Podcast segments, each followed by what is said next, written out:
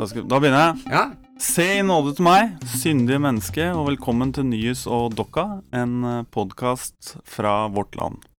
Hei, Åste. Har du syndet i det siste? Ja. Eh, ja, det har jeg jo. Åpenbart. Eh, med det synsbegrepet vi har i den lutherske kirke, så vil jeg alltid, alltid kunne svare ja på det. Eller jeg vil si jeg er en synder eh, eh kontinuerlig. Det, det, er i hvert fall uh, Ja, Men hvis du ikke skal svare så generelt, kan, kan ikke bare få et eksempel på en konkret synd, da? Et eksempel på en konkret synd? Uh, ja, jeg tenkte litt på dette med Jeg hørte Olaf Ykse Tveit si fra scenen på trosopplæringskonferansen at et kristent liv kjennetegnes av uh, blant annet uh, fred, fredfullhet, et eller annet sånt noe. Å, å være fredssel, eller ja, søke fred med dem du lever sammen med. Så jeg har nok eh, eh, ikke gjort det til fulle med overfor barna mine det siste. Det kan jeg, det kan jeg røpe. Jeg har eh, kjefta på ungene mine. Ja. Nei, men vi kommer alle til kort. Eh, og så stiller jeg samme spørsmål til deg. Dagens gjest, Svein Åge Christoffersen, som er seniorprofessor i etikk og religionsfilosofi ved TF. Teologisk fakultet, Universitetet i Oslo. Ikke MF, har jeg fått streng beskjed om å presisere, men TF. Har du syndet i det siste, Svein Åge? Jeg sier som Åste at det har man selvfølgelig. Men jeg må si at jeg tenker ikke så mye på det. Jeg går ikke rundt og tenker på at dette er synd, og nå har jeg syndet, osv. Så, videre. så det spiller ikke så stor rolle for meg. Eh, jeg vet jeg gjør en del ting gærent jeg skulle gjort annerledes. Synd tror jeg har med forhold til Gud å gjøre, først og fremst. Oppmerksomheten min i den sammenheng er kanskje litt liten fra tid til annen, men, men jeg går ikke og tenker på det. Men når du, når du, er i kirka og så kommer til synsbekjennelsen, da har du ingen sånne konkreter som du, som du har i bakhodet når du framsier den? Er det, det er bare generelt? Nei, det er klart at du, du syns du har sviktet i forhold til andre mennesker, ikke vært så oppmerksom osv., men, men det blir liksom litt sånn å rote i, i de mindre tingene. Uh, må bare innrømme det. Uh, så jeg, jeg, er ikke så opptatt av uh, Eh, den type ransakelse eh, det kommer mer som et ubehag at du plutselig får et flashback og tenker 'Å, filler'n, det var dumt. Det skulle jeg ikke ha sagt. Det skulle jeg ikke ha gjort'. Eh, ja. men, men, men, det er ikke sånn at jeg syns at nå må jeg komme meg i kirken fordi det der synderegisteret er så langt. Nei. Men det er jo, jeg tenker det der flashbacket, da. Det sier jo oss noe om at vi trenger jo ikke kristendom for å ha synserkjennelse. Altså det, det klarer vi veldig fint på egen hånd. Det, det kommer av seg sjøl. Mm. Så jeg vil jo heller si at jeg er i kirken, så er det fordi at det livet jeg lever, blir satt inn i en større sammenheng, på godt og vondt, altså med feil og svakheter og mangler, og også gode ting. Men det blir satt inn i en større sammenheng. Det syns jeg er viktigere for meg enn en, en at nå er jeg så uh, Nå er syndenøden så sterk at den driver meg inn i kirken. Mm. Sånn tror jeg ikke det er for veldig mange mennesker i dag, faktisk. Da tror jeg vi fikk en veldig fin og naturlig bro til uh, dagens problemstilling, som er Finnes det en særskilt kristen etikk, eller finnes det bare etikk som er eh, åpent tilgjengelig og open sourced, som det heter i dataspråket, for alle enhver, også hedningene? Eh, og det er jo en eh, svær og ullen problemstilling, så jeg tenkte å, å sirkle dette litt inn innledningsvis med å spørre Med å gå historisk til verks. Er det slik at det kommer noe nytt inn i verden med kristendommen? Kommer det en ømhet inn i verden med lignelsen om den barmhjertige samaritan og den eh, bortkomne sønn? Akkurat det siste tror jeg faktisk er riktig. Eh, og eh, hvis vi går gjennom evangeliene og ser hva det er som på en måte ofte er vendepunkt i bestemte fortellinger, så er det ofte det oversettes med medfølelse, med synes synd på. Altså, Jesus ser enken i Nain. Eh, hennes sønn er død, de er på vei ut av, av, byen, han skal begraves, hun blir stå igjen på bar bakke, det er ikke noe velferdssamfunn her. Så syns Jesus synd på henne. Eh, den barmhjertige samaritan, hvorfor stopper han? Jo, han gjør det fordi han syns inderlig synd på mannen. Altså, det er en medfølelse. Det er egentlig det samme ordet som går igjen eh, i alle disse sammenhengene. Ehm, på en måte er det, det er et ord som betegner det indre.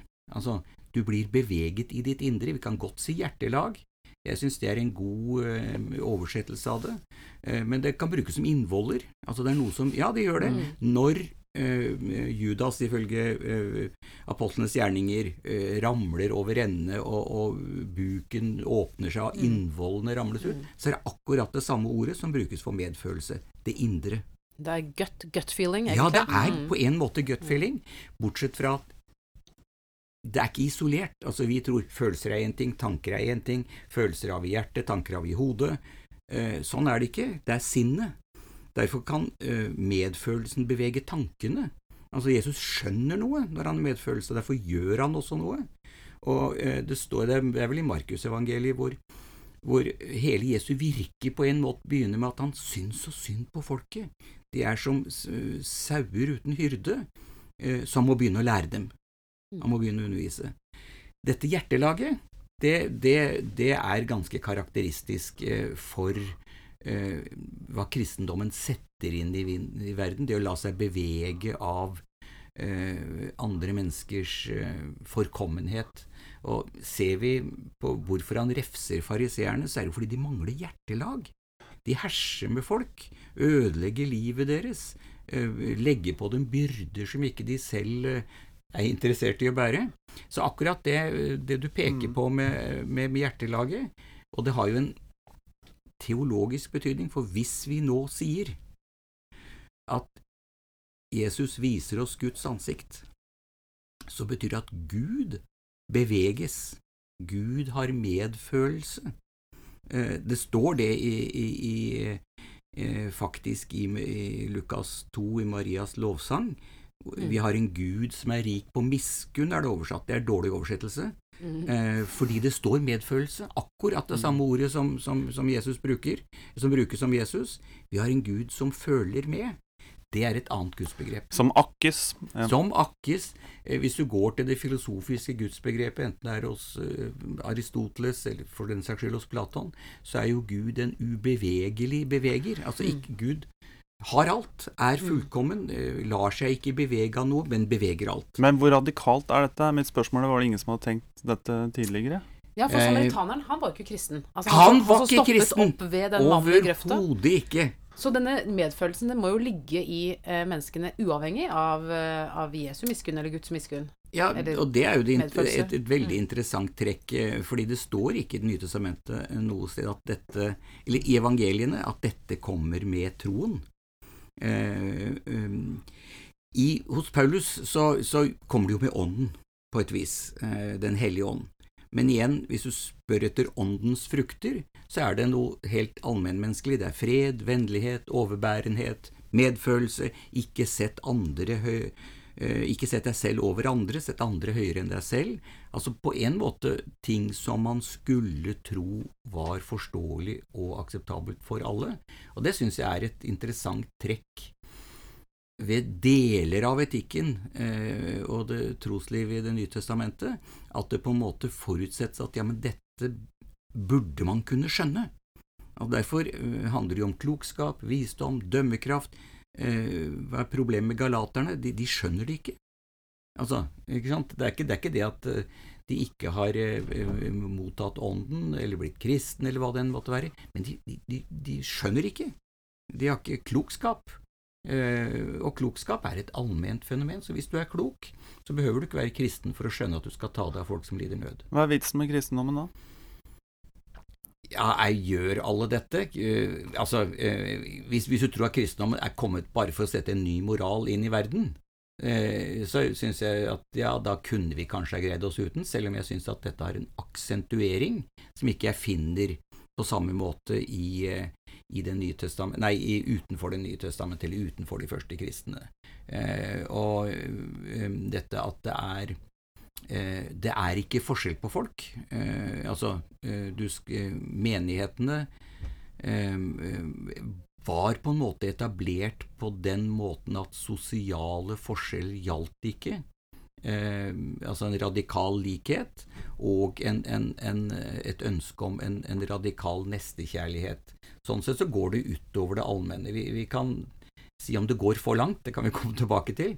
Mm. Men, men kristendommen handler jo ikke bare om å få en ny moral. Altså, Hva er vitsen med kristendommen? Jo, det er, det er kommet en ny moralsk teori og en litt nytt syn på moralen. Kristendommen handler jo om så mye mer. Den handler om Gud, om livets mening, om, om hva som er hvorfor vi nå engang er her på jorda. Den handler om et fremtidshåp. Så, så, vi kan ikke koke ned og si at ja, men kristendom er egentlig et tilbud om en ny etikk, og hvis ikke den er så ny, så trenger vi den ikke.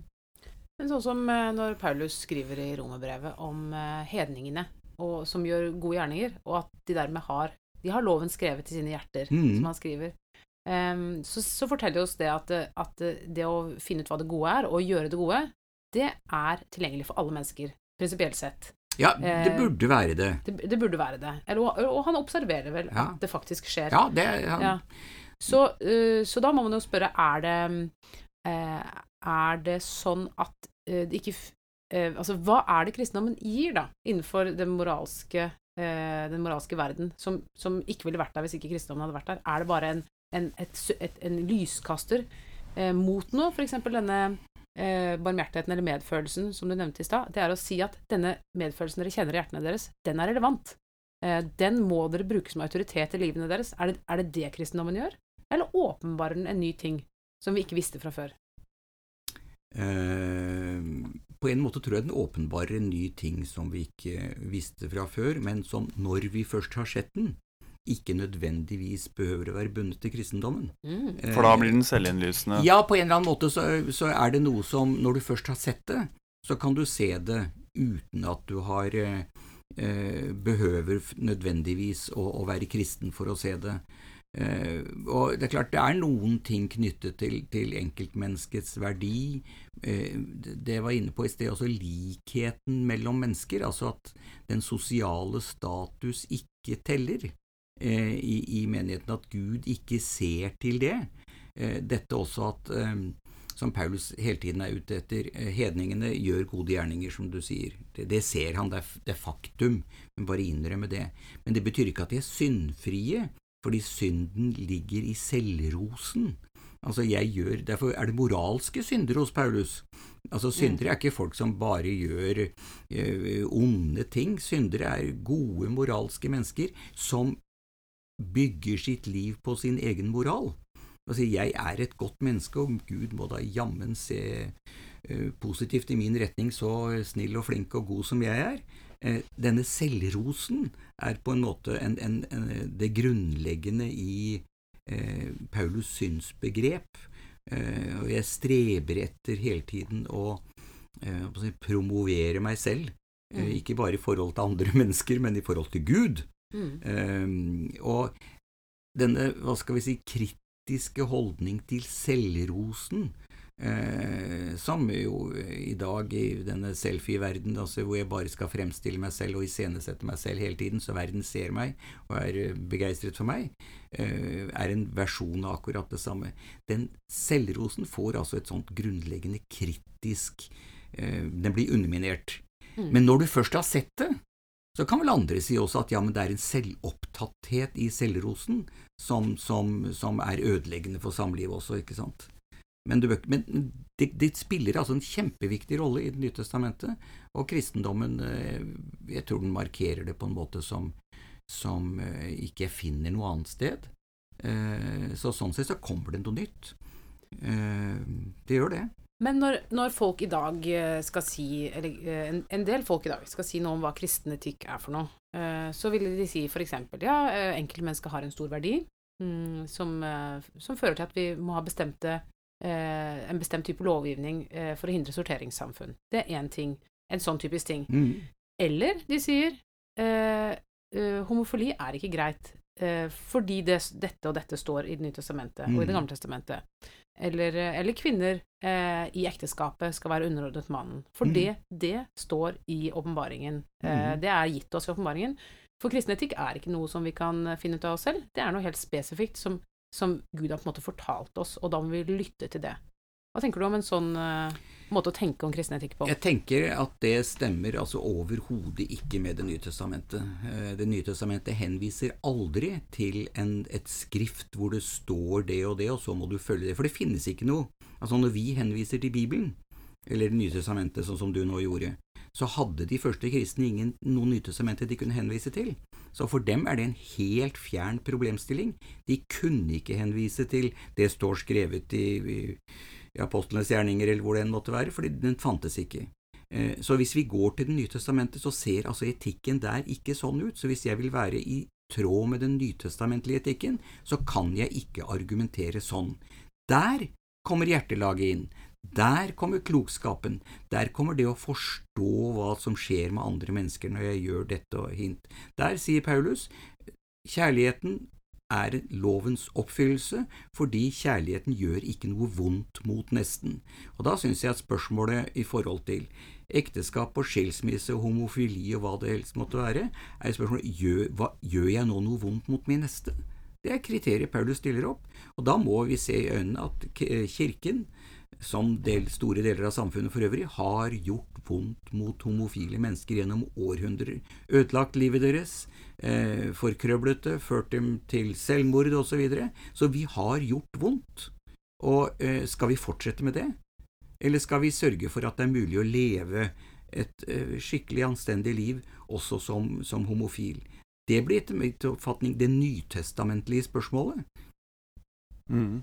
Det er jo gjerne sånn når, eh, ofte når man billedlegger eh, den barmhjertige samaritan, så ser man jo levitten med nesa nedi en lovbok, mens samaritaneren nettopp ikke har noen bok, men handler intuitivt og instinktivt, og ikke lar det gå via hodet og bokstavene. Det er vel det samme motivet der? Sånn ja, på en måte er det, og det ligger som jeg sa i den teksten, han fikk inderlig medfølelse. Altså, alle så mannen i veikanten. Det som skiller samaritanen, er at han fikk syntes synd, han fikk medfølelse. Han hadde hjertelag. Det hadde de to andre ikke. Og dette kontrasteres mot den andre måten å resonnere etisk, hvor man går veien via hodet og, og resonnerer altså, jeg, jeg, tror samaritanen også gikk veien via hodet. Okay. Altså, han, han, skjønte situasjonen. Etikk har med å kunne begripe hva slags situasjon du er i, og til det bruker du hodet. Eh, så, så, det er ikke det at han liksom bare handlet så å si uten å tenke seg om. Jeg tror han tenkte seg om. Og, og skal du ta deg av folk, så må du faktisk tenke Han skjønte at mannen var uh, såret, uh, holdt på å dø, fikk ham opp på et esel, fikk ham til et herberge, ga ham pleie. Han brukte huet hele tida for å skjønne hva situasjonen krevde. For det må du jo. Altså Når du treffer mennesker som er i nød, så må du jo prøve å tenke ut hva i all verden skal jeg gjøre? Om kristne er bedre til å tenke ut de løsningene, det er et annet spørsmål. Ja. Det er jo ikke alltid vi har vært det. Altså, Den gode vilje fører jo ikke alltid til gode og riktige handlinger. Vi vil det gode og sånn, men vi skjønner ikke åssen vi skal gjøre det. Og så går det gærent. Mm. Så eh, nei, jeg vil, ikke, jeg vil, ikke, skille mellom hode og følelser der. Den går jeg ikke med på. Nei vel, da tror jeg du er uenig med Løgstrup, men eh, å nei da. Er det vel mange av oss som er? Nei, nei ah, okay. jeg, jeg, er nok uenig med Løkstrup på noen punkter, men, men Løkstrups poeng eh, med dette med de spontane livsytringer, med tillit, barmhjertighet, er jo først og fremst at det kommer ikke fra oss selv. Det er livet som kommer med godheten til oss, men når jeg skal omsette det i praksis, så er det mitt ansvar. Da må jeg bruke huet, og da må jeg tenke meg om, da må jeg finne praktiske løsninger. Eh, eh, og hvis jeg bare går rundt og er generelt sett barmhjertig mm. Eh, altså Det er man jo aldri. Man må være barmhjertig i en situasjon hvor noen trenger barmhjertigheten din. Løktup sier du har noe av din nestes liv i din hånd, men hva du så skal gjøre når du har det livet, ja, det må du skjønne. Det må du forstå. Og i en rekke sammenhenger så forstår vi det ikke. Og disse flashbacksene som vi mm. snakket om, det er jo sammenhenger ofte hvor jeg tenker jeg skjønte det jo ikke jeg, jeg, jeg, jeg misforsto den situasjonen. Eh, jeg fattet ikke hva jeg skulle gjøre. Det skjønner jeg etterpå. Ja, eller jeg valgte Jeg ante det nok på et eller annet nivå, men jeg valgte likevel å følge liksom mm, ja, min egen liksom, jeg, umiddelbare behov. Jeg var redd for å involvere meg, redd for ja. å komme for nær, kanskje, redd for å på, påta meg forpliktelser. Mye rart som gjør at jeg eh, mm. men, men, men, eh, men, i øyeblikket tror jeg nok for så vidt at jeg er så opptatt av den angsten min at jeg ikke helt skjønner at ikke jeg skjønner situasjonen. Så kom jeg etterpå og tenkte å filler'n, det var dumt. Det ja, Men det kan jo rasjonaliseres vekk, da. Det var vel Ja, selvfølgelig kan du rasjonalisere det vekk. Du kan rasjonalisere alt vekk. Ja, det er det, det som kan være litt skummelt med rasjonaliteten. Eh, nei, alternativet tror jeg ikke er, er bedre. Nei. Men eh, Og Løkstrup er veldig opptatt av at det vi gjør, er å rasjonalisere bort sørge for at den fordringen om å ta vare på vår neste koker vi ned til litt sånn praktiske handlingsregler. Vi gjør litt, men ikke alt. Eh, det, det, men det er jo rasjonaliteten min som gjør at jeg skjønner at her har jeg laget et lite praktisk kompromiss. Mm, For hvis vi skulle levd etter bergprekenen, alle som en, så øh, Altså, vi ville fått noen utfordringer eh, som er mye større enn dem vi, vi har når vi bare har lagd noen regler. Det er lettere på en måte å leve etter de ti bud enn å leve etter bergpreken. Eh, Eh, ja, den er det jo er så det. radikal, bergpreken, at, Ja. at eh, Den kan ikke omsettes i handlingsregler. Nei, fordi hvis man alltid skal snu det andre kinnet til, så måtte vi jo bare åpna fengselet, da. Mm. Og, eh, altså, vi ville tilgitt fritt, og eiendomsretten ville jo måte bare smuldre opp, og vi måtte organisert samfunnet helt annerledes. Ja, du kan ikke bruke bergprekenen på å organisere et Nei. samfunn. Eh, bergprekenen stiller hele tiden det kritiske spørsmålet til de praktiske kompromissene dine. Ja, men er det rett? Og det spørsmålet må du alltid fastholde. Vi har fengsler. Vi sperrer folk inne. Vi gjør det på en bestemt måte. Men, men vi må alltid kunne spørre ja, men er det riktig? Er det humant? Er det menneskelig? Tar vi vare på? Eh, Det betyr ikke at vi kan avskaffe alle sosiale ordninger. Men, men det betyr at vi må alltid kunne stille det kritiske spørsmålet, og vi må alltid kunne se Vi kan ikke bruke den kulturen vi lager som en sånn eh, religiøs legitimering av oss selv overfor Gud og vår neste, og si ja, men herre, dette er Guds rike vi har bygget. Det har vi ikke. Det er jo interessant, en av de eh, En teolog jeg leste eh, som egentlig skrev om lignelser, eh, som heter eh, Crossan, han skriver at alle lignelser i Nytestamentet de handler egentlig bare om å slå beina under det etablerte. Eh, og det er jo en sånn subversiv ting som skjer. At, og du kan jo si det samme om bergprekenen. Målet med bergprekenen er ikke å etablere en ny orden, men det er å slå beina under den orden du stadig vekk prøver å etablere, gjerne også på kristen grunn. At det finnes en sånn type sånn eh, kritisk logikk i kristendommen som er sterkere enn den etablerende logikken. Ja, Eller det, minst like sterk, da. Mm. det, det, det tror jeg er et veldig godt poeng. Eh, og, og eh, du ser eh, veldig mange av disse stridssamtalene som Jesus har også med, med, med, med folk, handler ikke om å lage en generell regel, men det handler om å, å, å si, slå beina under de som kommer. Når, når fariseerne kommer til Jesus og eh, spør om eh, kan man skille seg hvis man lager et skilsmissebrev, eh, så er jo det er noen menn som blir, vil bli kvitt konene sine Mm. og tenker er ikke det ålreit, bare gi dem et skilsmissebrev, så er jeg kvitt dem. Og det er det de ikke får Jesus lager ikke en teori om ekteskapet som skal omsettes i en sosial ordning, men han sier du prøver å bli kvitt kona di på en billig og enkel måte. Det går ikke. Mm. Og den derre 'jeg spenner ben på alle disse praktiske forsøkene dine', syns jeg er en god beskrivelse av det Jesus hele tiden gjør. Ehm, ja. Jeg tror det tar oss til eh, dagens spalte. Ordet fanger. Yes. Det er, eh, det er vel noen av disse bibeltekstene som eh, kan gi litt sånne praktiske problemer målt mot praktisk etikk i hverdagen. Ja, jeg skal lese fra Apostlenes gjerninger, kapittel 5. En mann som het Ananias, og hans kone Safira, solgte en eiendom. Men han stakk til side en del av pengene, og kona visste om det. Så kom han og la resten foran apostlenes føtter. Da sa Peter, Ananias, hvorfor har Satan fylt ditt hjerte, så du kan lyve for Den hellige ånd og stikke til side noe av det du fikk for jordstykket ditt? Kunne du ikke ha beholdt det? Det var jo ditt. Og bestemte du ikke selv over pengene du solgte det for? Hvordan kunne du bestemme deg for dette i ditt hjerte? Det er ikke mennesker, men Gud du har løyet for.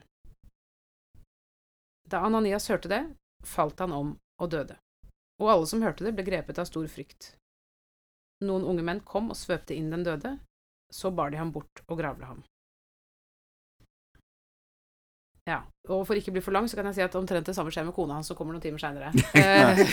Eh, dette er altså et ektepar i, som lever i Som er de, av de første kristne, som eh, har solgt en eiendom, eh, og fordi de ikke har gitt eh, alle pengene til menigheten, eller fordi de, eh, fordi de har eh, eh, sagt at nå gir vi alle pengene til menigheten, men, beholder, men beholdt noe selv, så er logikken at da, da dør de. Eh, Er du sikker på at det er logikken i den Ja. teksten? Er det ikke logikken like mye 'du har løyet for Gud'? Ja, ok, greit, la oss si det. Jo, jo. Det- det- du har løyet for Gud. Hva er en pass, passende straffeutmåling da? Ja. Nei. Jo, men dette, dette, dette oppfatter jeg jo som et uttrykk for en virkelig akutt synserkjennelse.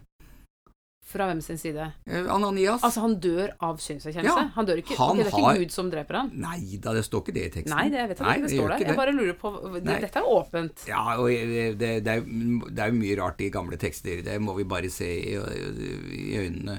Men, men jeg, hvis jeg skulle få noe mening i teksten, så vil Mm. jeg si at Ananias Det går plutselig opp for ham hvor forferdelig det er at han har løyet for Gud. Ja, det er eh, Da får han hjerteinfarkt og dør. Ja. Men hvis vi nå da skal tenke at, eh, i forlengelse av det du sa i stad, at når vi, skal, når vi skal prøve å få grep om hva den nytestamentlige etikken er for noe, Mm. så, kan vi ikke, så kan vi ikke på en måte prøve å plukke regler eh, ut av en skrift, eh, for det gjorde ikke de. Men vi må prøve å heller leve en slags type etterfølgelse Mm. eller imitasjon av deres eh, sosiale utjevning, eller hva som helst.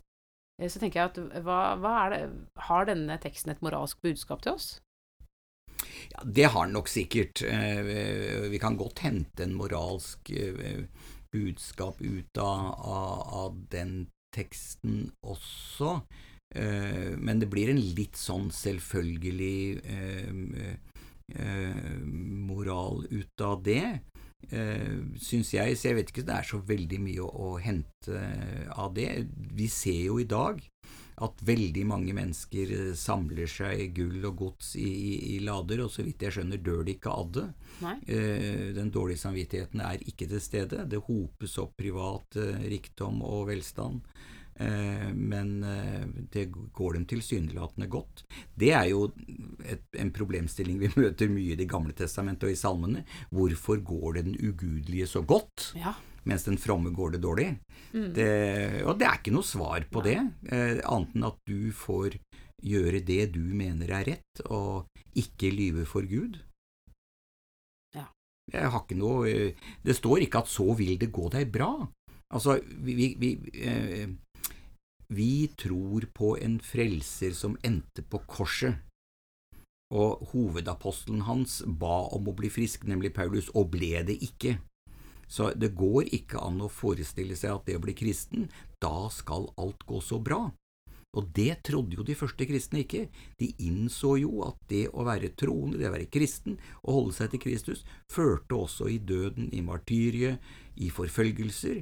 Så, så den forestillingen om at hvis jeg nå bare oppfører meg ordentlig og er ordentlig kristen, så blir livet fint, den er fjernt fra Det nye testamentet.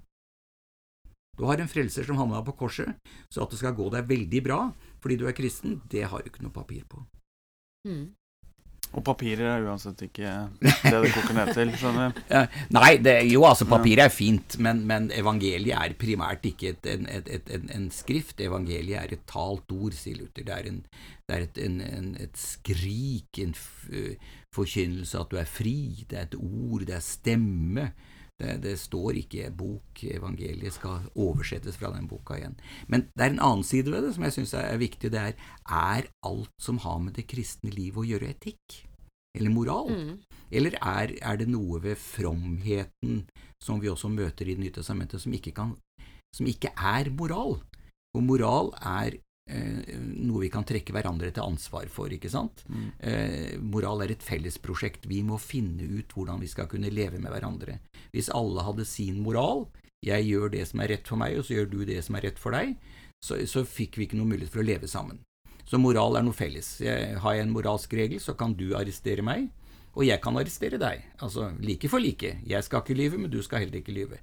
Er det noe i det kristne liv som på en måte ikke er av moralsk karakter, som ikke jeg kan kreve andre til regnskap for?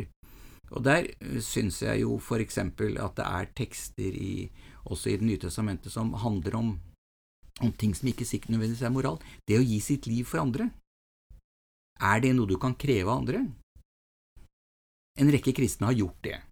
Eh, og vi har denne eh, fortellingen om denne eh, som er blitt brukt mye katolske munken Kolbe, som jo i konsentrasjonsleir hvor noen skal henrettes, sier ja, men ta meg isteden. Han du har plukka ut, han har familie og sånn.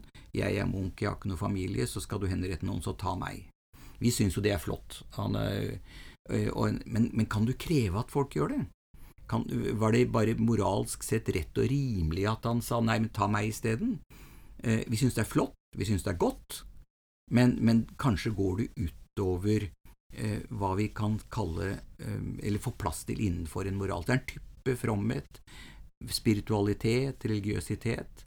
Og der er jeg eh, interessert i, eller opptatt av, eh, noe Paulus sier i Romerbrevs femte kapittel, hvor han har et lite innskudd som er interessant. Der er poenget eh, Jesus døde for syndere. Det er helt, Egentlig er det sensasjonelt. For han sier ingen vil jo engang gi livet sitt for en rettferdig. Og så her er en som gjør det for Og så føyer han til kanskje for en som er god. Mm. Det er altså forskjell på å være rettferdig og å være god. Her sprenges rettferdighetsbegrepet litt, ikke sant? Rettferdige mennesker, moralske mennesker, ordentlige mennesker gjør rett og slett for seg, følger alle reglene, men godhet er noe mer. Det sprenger litt rettferdighetsbegrepet. Kanskje er det noe i godheten som gjør at vi kan ikke alltid Vi kan ikke kreve den andre. Den sprenger moralen vår. Jeg er redd for å gjøre hele det kristne liv til et spørsmål om moral. Mm. Eh, og gjøre det moralsk. Det, det eh, er å presse kristenlivet inn i en, en, en altfor snever støpeform. Men det, dette har en annen side òg. Denne offerdøden og denne offerkulten finner du jo spor av i militære og i høyst sekulære gevanter òg. Ja, eh, altså Paulus er jo også eh, klar over at folk kan gi sitt liv for en god sak. Ja. Eh, det skriver han i første Korinterbrev. Er Men, men, det, men det hjelper bare ikke noe hvis, hvis, hvis du ikke har kjærlighet i det du gjør. Og den kjærligheten kan du ikke Om jeg gir mitt liv til å brennes, sier Paulus, så hjelper det jo ingenting hvis ikke jeg har kjærlighet. Men klart folk gjør det.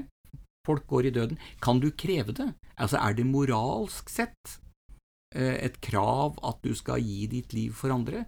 Jeg er ikke sikker på det. Jeg er ikke sikker på at vi kunne sagt til denne eh, Maximilian Kolbe at du har eh, plikt til å melde deg og ta døden istedenfor han ved siden av deg. Nei, det er klart, og hvis ingen eh, var villig til å gi sitt liv for andre, så hadde vi faktisk ikke hatt noe krig. Nei, det er noe Så så det hadde jo vært veldig greit, hvis vi bare kunne avslutte den med en gang. Eh, Målet med krig er jo ikke å dø til ære for sitt land, det er jo å få den andre til å dø Nei, for sitt land. Du, ja, hvis man tenker at krig i bunn og grunn er selvforsvar, så er det sånn, hvorfor er du villig til til å være soldat? Jo, det er fordi at hvis ikke, så blir landsbyen min utsletta. Det er verre enn at jeg dør. Det er jo det som er den risikoviljen, eh, ligger jo der. Ja, så hvis men du ingen skal, hadde ja. hatt den risikoviljen, så hadde jo ingen Uh, ingen Da hadde jo Ja, hva hadde Jo, blitt jo, men jeg vil bare korrigere, for målet er jo å få den andre parten Mm. til å dø for sitt land. Selv skal du jo helst overleve. Ikke, ikke få den til å dø, men, eh, Mm. men du er villig til å sette livet ditt på spill. Jo, men du vil jo at, det at, er du, ja. eh, du vil jo at den tyske soldaten skal dø for sitt land, da, hvis vi er tilbake i andre verdenskrig. Nei, det er jeg ikke sikker på. Jeg, jeg, eh, det er jo eh, Man har jo undersøkt eh, litt eh, soldater som skyter, eh, og, Mm. og det viser seg jo at eh, i utgangspunktet er de tilbøyelige til å bomme. Ja. Så de må læres opp til å treffe. Eh, noen, 10 eh, treffer med en gang, fordi de, de har ikke en, det, er, det er en mekanisme som mangler, vil jeg si. Men veldig mange soldater eh, eh, skyter ikke for å drepe, så, så de må øve seg i å skyte for å drepe.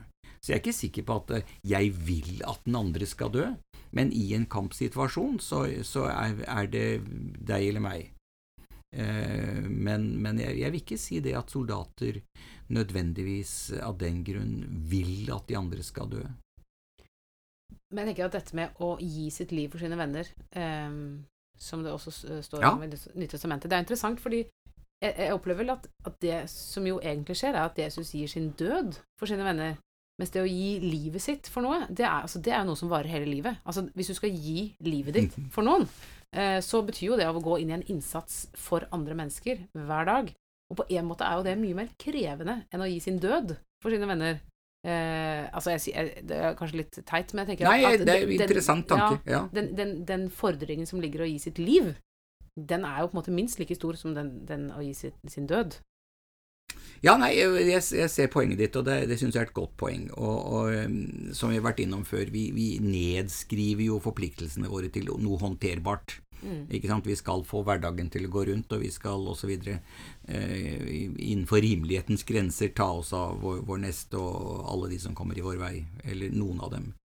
Eh, men, men det er klart at vi det er, det er krav i det som aldri vi helt lever opp til, og på et eller annet tidspunkt skal du si at noen går lenger enn andre. Eh, lenger enn vi kanskje syns det er rimelig. Eh, men det er godt at de gjør det. Eh, og jeg, ikke, jeg vil ikke gjøre moral av det. Jeg vil ikke bruke det til å fordømme andre. Altså, Det er ikke sikkert at moralske idealer eller forbilder eller folk som gjør noe ekstraordinært, skal brukes til en sånn fordømmelse av alle de som ikke gjør det. Eh, jeg tror heller at det er et ideal, en inspirasjon, så strekker du deg kanskje litt lenger du også, istedenfor at, at man sier ja, «Ah, dette burde du også ha gjort. Det, eh, altså, at alt skal gjøres til en sånn moral, for moral, da trekker vi hverandre til ansvar, hverandre til regnskap. Jeg skal ikke lyve, men du skal neimen ikke lyve, du heller. Her er ingen forskjell. Eh, men godheten sprenger de grensene, og hvis vi gjør godheten til moral, til noe at vi driver og måler hverandre på, så tror jeg den har lett for å gå litt i stykker. Når kristendommen la Vesten for sine føtter, eh, har det noen sammenheng med at, eh, at, kristne viste seg å være ekstra eksemplariske og forbilledlige og noe sånt nå, tror du? Eller var de akkurat som alle andre? Her, det fortelles jo sånne historier, men de er jo ikke nødvendigvis sanne. Altså, eh, det er jo et enormt komplisert spørsmål. og Det er mange grunner til at kristendommen eh, spredde seg, erobret Vesten, Østen også for den sakens skyld etter hvert. Altså kristendommen er verdensomspennende. Eh, det er ingen tvil om at den betydde noe inni eh, f.eks. Eh, gammel nordisk, lovgivning, altså at den hadde konsekvenser der som også menneskene oppfattet som rett og rimelig. Altså, eh, hadde man ikke gjort det eh, Magnus Lagabøters landslov altså hadde, hadde, ikke de tingene som kommer inn der, blitt oppfattet også som ja, egentlig riktige, fornuftige, så, så hadde det jo ikke vært noe gjennomslag for det. Eh, sånn sett så tror jeg kristendommen representerte eh, verdier, sier vi i dag, eh, eh handlemåter osv., som, som fikk betydning. Eh, og som var med på å, å, få oppslutning. Og jeg tror da har vi hatt en innsamling til Kirkens Bymisjon, eh, som da har fått eh, utfolde sitt prosjekt og ta seg av mennesker som ikke har et sted å være, ikke et sted å spise, osv. Og, og det betyr også noe for å forstå hva hva kristendom er, og en aksept av kristendom, hvis du sammenligner det med fortellingene om, om eh, overgrep av barn i, i, kirkelige sammenhenger, eh, så er det klart at det ene Kirkens Bymisjon sier vi her, jeg, her, vil jeg være med. Altså, jeg, jeg, det er mange, jeg kunne godt tenke meg å være frivillig, jeg også der. Eh, dette vil jeg være med på. Mens når du får fortellingene om prester og tusenvis av barn som er blitt gjenstand for overgrep, så dette vil jeg ikke være med på. Eh, så det er klart at når kristendommen får en, en utbredelse og betydning, så henger det jo sammen med at den også representerer, hvis den gjør det, verdier som folk sier ja, men dette er vi med på. Vi behøver ikke ha tenkt det på forhånd. Nei. Når vi ser det, sier vi ja, men søren, dette var, dette var, godt tenkt. Sånn må det være. Dette er jeg fra nå av med på. Skal vi gå til spalten vår, Bordet fanger? Du er kjent med spalten vår, Svein Åge. Vi skal altså komme opp med et tema som vil egne seg rundt middagsbordet i kommende middagsselskap. Begynner med deg, Åste. Ja.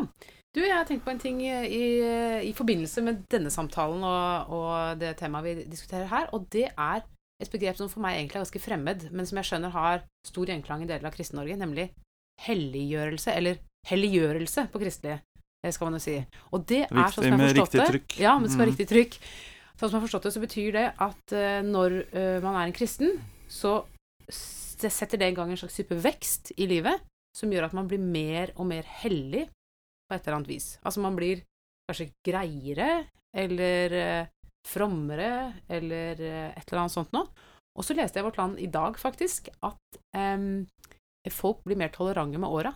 At man blir ikke gretnere med åra. Det er ikke gretne gamle gubber. Fins noen eksempler på det òg. Ja. gamle gubber. Det må være de ukristelige som blir gretne og sure. Nei, men eh, så jeg tenkte på dette. Er, vi, er det sånn at vi Kan vi snakke om det? At uh, kan vi si at ja, jeg, jeg er blitt mer helliggjort. Det kan jeg merke. Jeg er blitt greiere. Jeg er blitt uh, mer fylt av åndens frukter og mer fred, mer tilgivelse fra min side her. Eh, mindre, mindre baksnakking med åra merker jeg godt. Er, er, det lov å si det? Eller er det, er det en må... Da har man da slått beina under sin egen helliggjørelse? Jeg vet ikke helt. Ja, det stemmer jo for noen. Eh, Det fins jo, det jo en del eldre mennesker som blir veldig gjerrige med åra, har jeg observert på nært hold. Eh, om, om du skal kalle det helliggjørelse, avhenger jo veldig av publikum, da. Eh, det er jo et ord med en, eh, en viss klang og en viss valør som kanskje bare egner seg i noen fora. Ja. Det, så her, men eh, det er sikkert Det kan godt hende det passer fint i ditt middagsselskap. Jeg vet ikke. Jeg har, som sagt så er jo dette Jeg kommer fra et miljø hvor man ikke snakker sånn om kristelige ting. Om, altså helliggjørelse er ikke noe Det hadde jeg nesten ikke hørt om før jeg begynte, lenge etter at jeg begynte å studere teologi. Jeg tror, men Ja. generelt så tror jeg nok ikke sånn, eldre mennesker er mer helliggjort enn barn, som har eh, er, kan være vel så helliggjort. Ja, hva tror du? Spør meg, da. Er det en Nei, vekst? eh, nei, jeg tror vel ikke nødvendigvis det. Altså, livet er eh, Er du bedre enn meg? Hva? Er du bedre enn meg? Eh, Hvor gammel er du, Svein Åge? Nei, nå er jeg 71. Er jeg blitt snillere med åra? Ja, er du det? Ja, jeg er det, faktisk. Ja. Jeg, jeg liker det ikke, Mm. men eh, jeg ser av kalenderen at jeg er det. Mm. Eh, altså det, det med alder er jo spennende i og for seg, eh, fordi eh, blir jeg klokere og visere og snillere? Nei, jeg blir også sjukere, eh, ikke sant? Jeg blir skrøpeligere. Mm. Eh, Ressursene dine blir mindre. Du har, ikke, du har ikke like lett for å være fleksibel nødvendigvis. Mm. Og du kan godt si at hvis du sitter med kroniske smerter som du etter hvert kan komme med når du blir gammel, vondt i knær og vondt i hofter, så er det ikke like lett å være i godt humør. Men Mm. er du blitt mindre hellig av den grunn? Det syns jeg det er vanskelig å si. Men Men jeg har også vokst opp i en sammenheng Ja. hvor helliggjørelse ikke var et ord jeg brukte. Ja. Og eh, da vi i sin tid eh, diskuterte dette i dette sam biskopenes samlivsutvalg, som jeg også Mm. satt i, så, så, og vi diskuterte ekteskapets hell hellighet, så eh, tenkte jeg at, og sa vel også at ekteskapets hellighet betyr i dag ta deg av unga dine. Altså, Mm. helligheten ligger i at du tar av unga dine, bryr deg om de menneskene som er avhengig av deg. Eh, Istedenfor en sånn inn, 'nå skal jeg føle meg hellig inni meg sjøl'. Og skal du ta deg av unga dine, så har du ikke tid til å tenke mye på deg sjøl, for det er så mye å gjøre. Og så får du barnebarn osv. Så egentlig så er det et godt tegn. Altså at man ikke tenker på sin egen hellighet, er et veldig bra tegn. Så Jeg synes det er, det er, sånn sett så har jeg kommet godt ut av det, for det gjør jeg altså vanligvis ikke. Også et er jeg tenker litt på det, åpenbart. Ja. Men det er jo også, sies jo gjerne at unge er mer idealistiske, og så forsky skyves dette i bakgrunnen til fordel for en sånn kynisme. Ja, eller turer til Italia. Ja. Til Toskana. Ja, det- eh. Jeg, ja da, men, jeg var i Roma for tre uker siden, men jeg tok med meg barnebarna mine. Ja, to stykker som nå da ble tatt rundt for å se på og oppleve dette, så jeg, sånn sett så gikk det bra. Du er i null. jeg er i null. Svein Åge, har du et tema til middagsbordet? Ja, jeg, jeg har vært litt opptatt av den nye bibeloversettelsen, som jeg er misfornøyd med på veldig mange punkter. Um, og jeg syns vi burde diskutere. De har altså valgt å oversette det som tidligere um, ble oversatt med Faderen som gudsbegrep, uh, bruker de nå Far. Ja. Og det er særlig påtrengende i, det, i Johannes evangeliet, som snakker om Faderen. Eh, og eh, i vår tid, hvor, hvor, hvor eh, begrepene også endres, eh, og hvor vi er opptatt av dette med kjønnsspesifikke betegnelser, så vil jeg si at eh, Og vi er opptatt av at Gud ikke er mann. Eh, og, eh, så vil jeg si at det å, nå, bortsett fra at det klinger veldig dårlig i en del tekster, det er en dårlig løsning, så, så gjør vi Gud mye, mye mer til mann ved å oversette med far istedenfor Faderen. Bruker vi det litt gammelmodige uttrykket Faderen, så skaper vi en liten avstand, i hvert fall, mellom far som en bestemt mann eh, og Gud. Så jeg er ikke fornøyd med den oversettelsen av språklige grunner, og jeg syns det er teologisk problematisk, for det er en måte å gjøre Gud til mann på som jeg syns er feil. Men er ikke det, gjenspeiler ikke det bare hvordan eh, Bibelen ble skrevet, og at Bibelen er en tekst fra en bestemt tid, hvor man hadde bestemte gudsbilder og trodde at Gud var en mann? Og vi må, behandle, vi må forholde oss til Bibelen som nettopp et Er patriarkalsk er du sikker på at Nei, det var et Johannes spørsmål. evangeliet Nei, nå var jeg Jeg spør tilbake, for det var du som hadde en mening.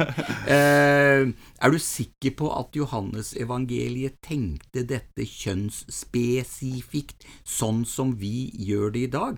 At den problemstillingen, mann, kvinne, kjønnsspesifikke karakteristikker som er viktig for oss, var viktig på samme måten i Johans evangeliet? Å nei, det tror jeg ikke. Nei, men dermed så Eh, leser ja. du da vår eh, våre kjønnsproblemer inn i, den, i Johansevangeliet, og dermed syns jeg det blir et problem å si ja, men da er det en mann, og de mente han var en mann, og da holder vi på at han er Nei, en nei, mann. jeg mener ikke at vi skal holde på at han er en mann. Jeg mener at dette skal gjøre det åpenbart for enhver leser at, at språket er metaforisk og betinga av sin tid.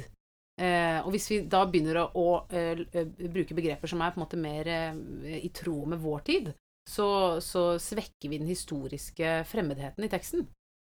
Nei, jeg, Ja. jeg, jeg, jeg mener er omvendt, fordi Ja. jeg mener at når vi bruker far, så svekker vi ikke den historiske fremmedheten. Hadde vi brukt Faderen, så hadde vi måttet tenke over at det faktisk kanskje ikke var en mann de snakket om. Så jeg, jeg vil beholde fremmedheten ved å bruke Faderen. Du får invitere meg på middag, så kan vi Ja, Der får vi spist mye da, tror du? Så du, du insisterer på å be ditt Fader vår eh, Ja, det vil jeg også. Eh, vi har, et, vi har et, et viktig sånn munnhell i norsk kultur. Han kan mere sin Fader vår. Det har vi nå avskaffet. Det har Mm. noen mennesker i Bibelselskapet funnet ut at det skal vi ikke bruke lenger. Ja, For det det er blir norske kirke som har avskaffet det. For det er Ja. de som står for de liturgiske bønnene. Det er riktig, men de retter seg jo etter Bibelselskapet på dette punktet, da. Men øh, ja, jeg vil gjerne be mitt Fader vår. Hva er det som egentlig presser på? Hvem er det som eh, står for skyvet bak denne utviklingen her? Det vet jeg ikke, men, men jeg, jeg, jeg tenker at det er en sånn selvoppfyllende profeti i noe av dette. Altså setter du ned 20 mennesker og ber dem gjennomgå Det nye testamentet for å se om det trenger å revideres, så ville det vært overraskende om de kom ut og sa nei, vi syns den oversettelsen er god, vi, så vi beholder den. Ja, så det Nei, ligger de- et problem i selve mandatet her. Det ligger et problem Noe må de finne på. Ja. Det er akkurat som Ja. eh, mm. Så det er en selvoppfyllende profeti. Du Håvard, har du noe Ja. å bringe til bordet? Uh, Jeg vil spørre, hva vil det si å ha lest en bok? Må du lese en bok fra perm til perm for å kunne erklære at du har lest boka, eller finnes det en, en annen måte å, å nærme seg dette her på? Uh, jeg vet ikke, Hva mener du, Svein Åge? Sier du at du har lest en bok hvis du har på en måte kanskje bare skummet gjennom den, eller kjenner hovedinnholdet godt nok til å konver konversere og Referere sett til boka? Sett filmen, ja. Ja. Nei, det, jeg har i hvert fall ikke sett filmen vanligvis. Nei, det er veldig forskjell. Eh, veldig mange bøker har jeg eh, i mitt eget bibliotek, og så har jeg ikke lest fra perm til perm. Det er fagbøker. Du er på jakt etter bestemte ting, bestemte Mm. synspunkter. Eh, du bruker dem på en annen måte. Jeg vil si, den boka har jeg lest. Det betyr ikke nødvendigvis at jeg har sittet og, og understreket uh, annenhver linje. Eh, skjønnlitteratur er litt annerledes, fordi fordi der spiller på en måte også den, selve den språklige sammenhengen som boka utgjør, eh, en rolle. Så hvis jeg har skummet en bok, titta gjennom, eh, hvis det er mulig, Knausgård, så vil jeg nok si det sånn. Jeg, har, jeg Men kan du- litt inn. Uh, ja, men du, du, du mener like iherdig at du har rett til å snakke om knausing, og du har rett til å snakke om Den hvite hvalen, selv om du ikke har lest Moby Dick fra perm til perm? Selvfølgelig, for jeg snakker om det ut fra det jeg vet. Ja. Uh, og jeg, hvis jeg sier 'jeg har lest Moby Dick' og ikke har gjort det, så er det ljug. Men, men jeg kan snakke om Den hvite hvalen og Moby Dick å si, eh, konseptet, om du vil, Mm. eh, uten å ha lest den boka. Det kan Ja, jeg jeg jo. synes jeg det er forskjell Du mener at dette er en slags tilsnikelse, gjør du Ja, ikke jeg det, syns det er en tilsnikelse, men jeg, jeg har en løsning for folk som er i knipa. Og det er at du kan si 'jeg har lest Knausgård', for det er jo sant. Selv om du ikke har lest Min kamp 6. Nå er det nok ganske få mennesker som faktisk har lest hele Min kamp 6 fra perm til perm og fått med seg det som står om Hitler i midten, for det er jo usannsynlig kjedelig. Men Og nå sier, snakker du bare lest- om bind seks, ikke alle, ikke hele seksbindsverket som Nei, ikke hele seksbindsverket, nei. Ja, det, men, men hvis man sier 'jeg har lest Knausgård', så er jo det sant hvis du har lest noen setninger av Knausgård. Så det er jo ikke, det er jo ikke løgn å si det. Nei, men men- du, hvis, du har, hvis du skal si 'jeg har lest, jeg har lest Min kamp' av Knausgård, så må du faktisk ha lest eh, hele, syns Ja. jeg. Det peker jo mot et overordnet spørsmål, da. Hva er poenget med en bok? Og Ja. da vil jo jeg si at poenget med en bok er at det lever som et felles referansepunkt i kulturen vår, og at det sånn sett er det beste skjebnen en bok kan få, at den, at den omtales og brukes og refereres til også av de som ikke har lest den fra Ja, perm til perm. Fordi at eh, jeg tenker jo eh, for det første at en bok også er selve leseropplevelsen. Eh, og hvis man går glipp av den, så går man glipp av en veldig viktig kvalitet for en bok. Men så har vi også kildeproblematikken. Fordi hvis alle bare vet eh, eh, hva Moby Dick handler om, uten egentlig å vite det, så kan det jo skje massevis av fortolkningsforskyvninger, som jo er helt urimelig i forhold til boka. Jo, men det er jo én ting som er viktig med Moby Dick, og det er jo den der eh, hovedmetaforen om jakten på den hvite hvalen. Samme med på spor... Jeg har, jo, jeg har ikke lest boka, men jeg forbeholder meg retten til å snakke om den hvite hvalen. Og jeg forbeholder meg også retten til å eh, snakke om madeleinekaken i På sporet av den tapte tid, uten å lese 13 bind. Som jeg vil påstå vil være en helt meningsløs eh, bruk av min tid. Jo, så er spørsmålet må du vite alt på første hånd. Altså Må du ha lest det selv? Mesteparten av det vi vet, vet vi på tredje, fjerde, femte og sjette hånd. Bitte lite grann vet vi på første hånd Ja. fordi vi faktisk har lest det.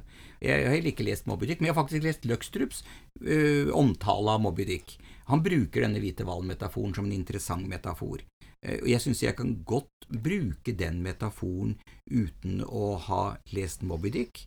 Jeg vet om dette på annen hånd. Løkstrup hadde lest Moby Dick. Eh, Jeg har, eh, nå har jeg lest, jeg begynte på Knausgård, så jeg har lest første bind, jeg har ikke kommet til sjette ennå. Mm. Så hvis du spør meg om jeg har lest Knausgård, ja, jeg har lest første bind, jeg har ikke lest mer. Men jeg kan godt eh, være med på en diskusjon om det å bruke ens egne erfaringer og sosiale eh, liv og levende mennesker inn i en roman eh, som et problem, og diskutere det, og si Knausgård gjør det, uten å ha lest alt Ja. Knausgård har skrevet. Altså, temaet er eh, Jeg er helt enig. interessant. Det er helt topp. Jeg syns bare at det ikke man skal si at man har lest en bok hvis man ikke har det. Og jeg, Nei, men det er jo enig med deg. Jeg er litt, litt legalistisk, eh, mer enn deg i hvert fall, Håvard. Fordi da jeg, da jeg var 14 år, nemlig, så bestemte jeg meg for at nå skal jeg skrive ned alle bøkene jeg leste på, i en bok. Ja, eh, på en liste. Eh, og jeg har rett og slett fortsatt med det eh, siden. Og derfor føler jeg at hvis, jeg skal, hvis en bok skal få lov til å komme på den lista, så må jeg faktisk ha lest den. Hele boka. Ja, vi får bare bli enige om å være uenige. Nei, altså jeg, jeg er et stykke på vei enig med, med Åste i dette. Jeg drev også og førte en sånn logg over hva jeg leste på stu, i studietida. Artikler, bøker. øh, og da skrev jeg ikke opp bøker eller artikler jeg ikke hadde lest. Det, altså, det, det, da er vi jo tilbake i det å lyve både for seg selv og Vår Herre. Ja, det kan være Ja, ok, men her er vi over, som- som her er vi over i noe annet. Deres uh, praksis for uh, sånn arkiveringsrutiner, det, det skal jeg ikke legge meg opp i. Det høres bra ut. Ja. Høres bra ut. Folkens, vi har kommet til veis ende. Vi har ikke tid til mer. Nei, Tusen takk for i dag. Tusen takk for i dag. takk for i dag. Amen.